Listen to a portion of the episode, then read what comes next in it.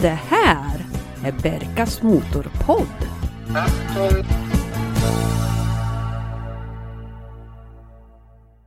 Hej och välkommen till Berkas Motorpodd. Podden för dig som gillar allt ifrån Volvo 244 till Porsche 911 Turbo. Bilar som ska köras och putsas, köpas och säljas. Det finns en hemsida där du kan kolla in bilarna och några videoklipp. www.berkasmotorpodd.se Nu drar vi igång det 35 avsnittet.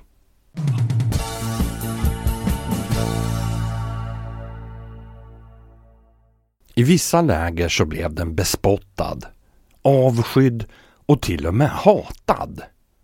Allt det här på grund av att den hade fel motor på fel plats och kylningen skedde med vatten. Jag vet inte om något annat bilmärke som har haft en sån intern vattendelare hos sina fans som just Porsche. Jag erkänner själv att jag idag kan vara lite neutralt inställd till märkets nya modeller som inte är sportbilar. Att läsa om suvar eller elbilar med baksäte det är fullständigt ointressant och artiklar som dessa strösslas det med i motorpress och klubbtidningar. Porsche behövde hitta en ersättare för 914-modellen och hade i ett samarbete med Volkswagen utvecklat en enklare och billigare sportkupé. Men med bensinkrisen i färskt minne drog sig VW ur projektet och Porsche fortsatte planerna ensam. Resultatet blev 924 som med sin lilla fyrcylindriga motor placerad fram lanserades 1976. Det var inget fartmonster men eh, tack vare sin utmärkta viktfördelning så var det en underhållande vagn. Porsches så kallade transaxel-era hade inletts. 1982 kom så bilen som dagens avsnitt ska handla om. Porsche 944. I enlighet med 80-talets mode breddades karossen över hjulhusen och både fram och bakspoilers underströk den sportiga designen. Även förbättrat chassi och bromsar hjälpte till att öka körglädjen. Den nya 2,5 liters fyran var i princip en halverad 5 liters V8 motor ifrån 928 men nästan inga övriga delar var gemensamma. 944 fanns i många olika utföranden och den häftigaste var naturligtvis Turbo S med 250 hästar och diffbroms. En framgångsrik tävlingsserie fick namnet 944 Turbo Cup och bilen fick stor motorsport-image. 1987 Porsche 944 Turbo Cup. Crescendo and Fortissimo characterized the start of every race. Med färgglad grafik och snygga blaupunktdekaler vid trösklarna och vindrutan tävlades det i fem länder. Det byggdes 192 kuppbilar som lättades med 272 kilo och fick större turboaggregat, större bromsar och fälgar i magnesium. 0 till 100 gjordes på 5,3 sekunder och toppade ungefär 270 km i timmen.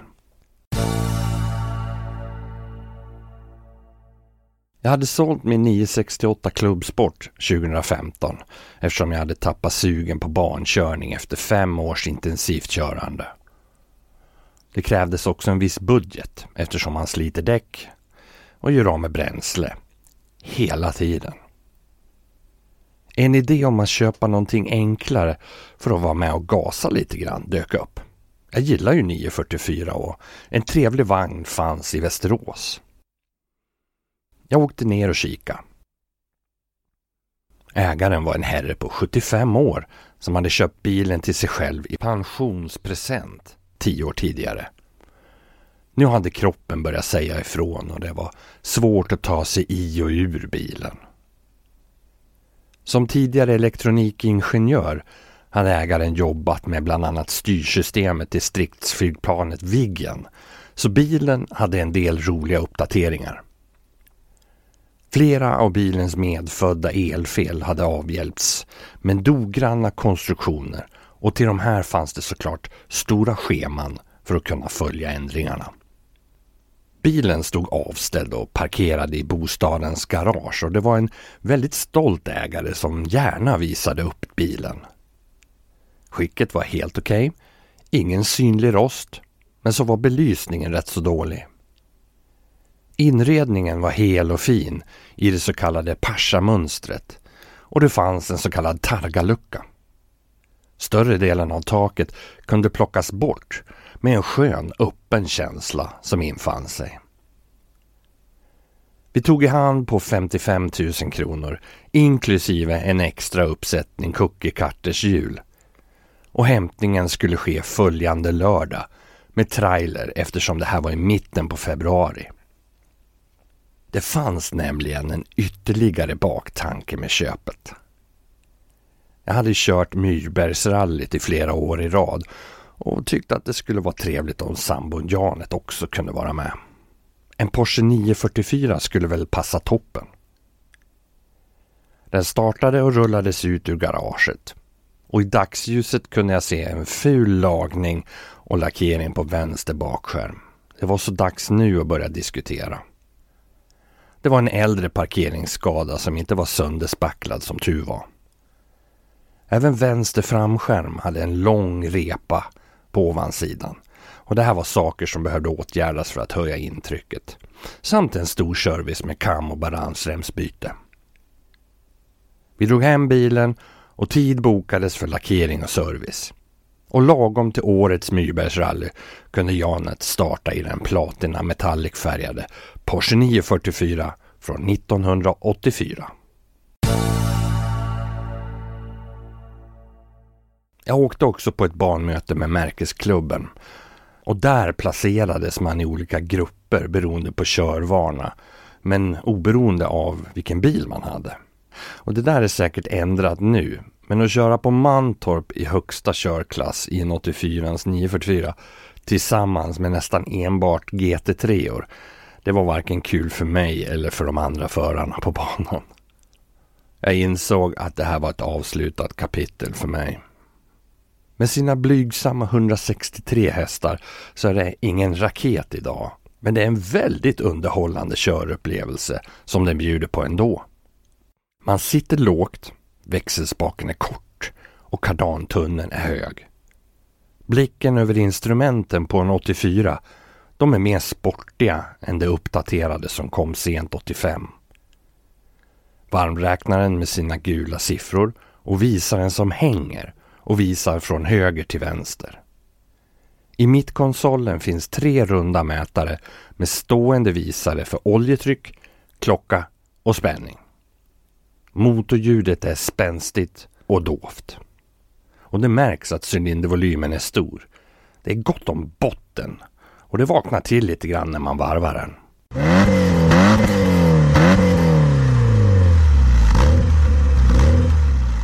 Min bil hade ett litet grövre sportavgassystem som bidrog till ett häftigare brölande.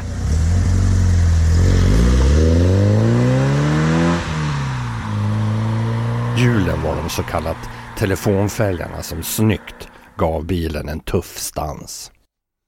En av 80-talets signum var pop-up strålkastarna. Nerfällda kvadratiska luckor i fronten fälldes upp när man vred på ljuset och det här det var både en designgimmick och ett sätt att dra ner luftmotståndet.